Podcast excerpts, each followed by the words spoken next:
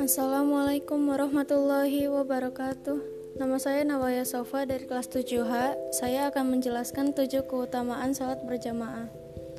Yang pertama, salawat malaikat atas orang yang salat serta permohonan ampun dari mereka. Yang kedua, kecewanya setan karena berkumpulnya orang-orang untuk beribadah. Yang ketiga, adanya pelatihan untuk membaca Al-Quran dengan benar.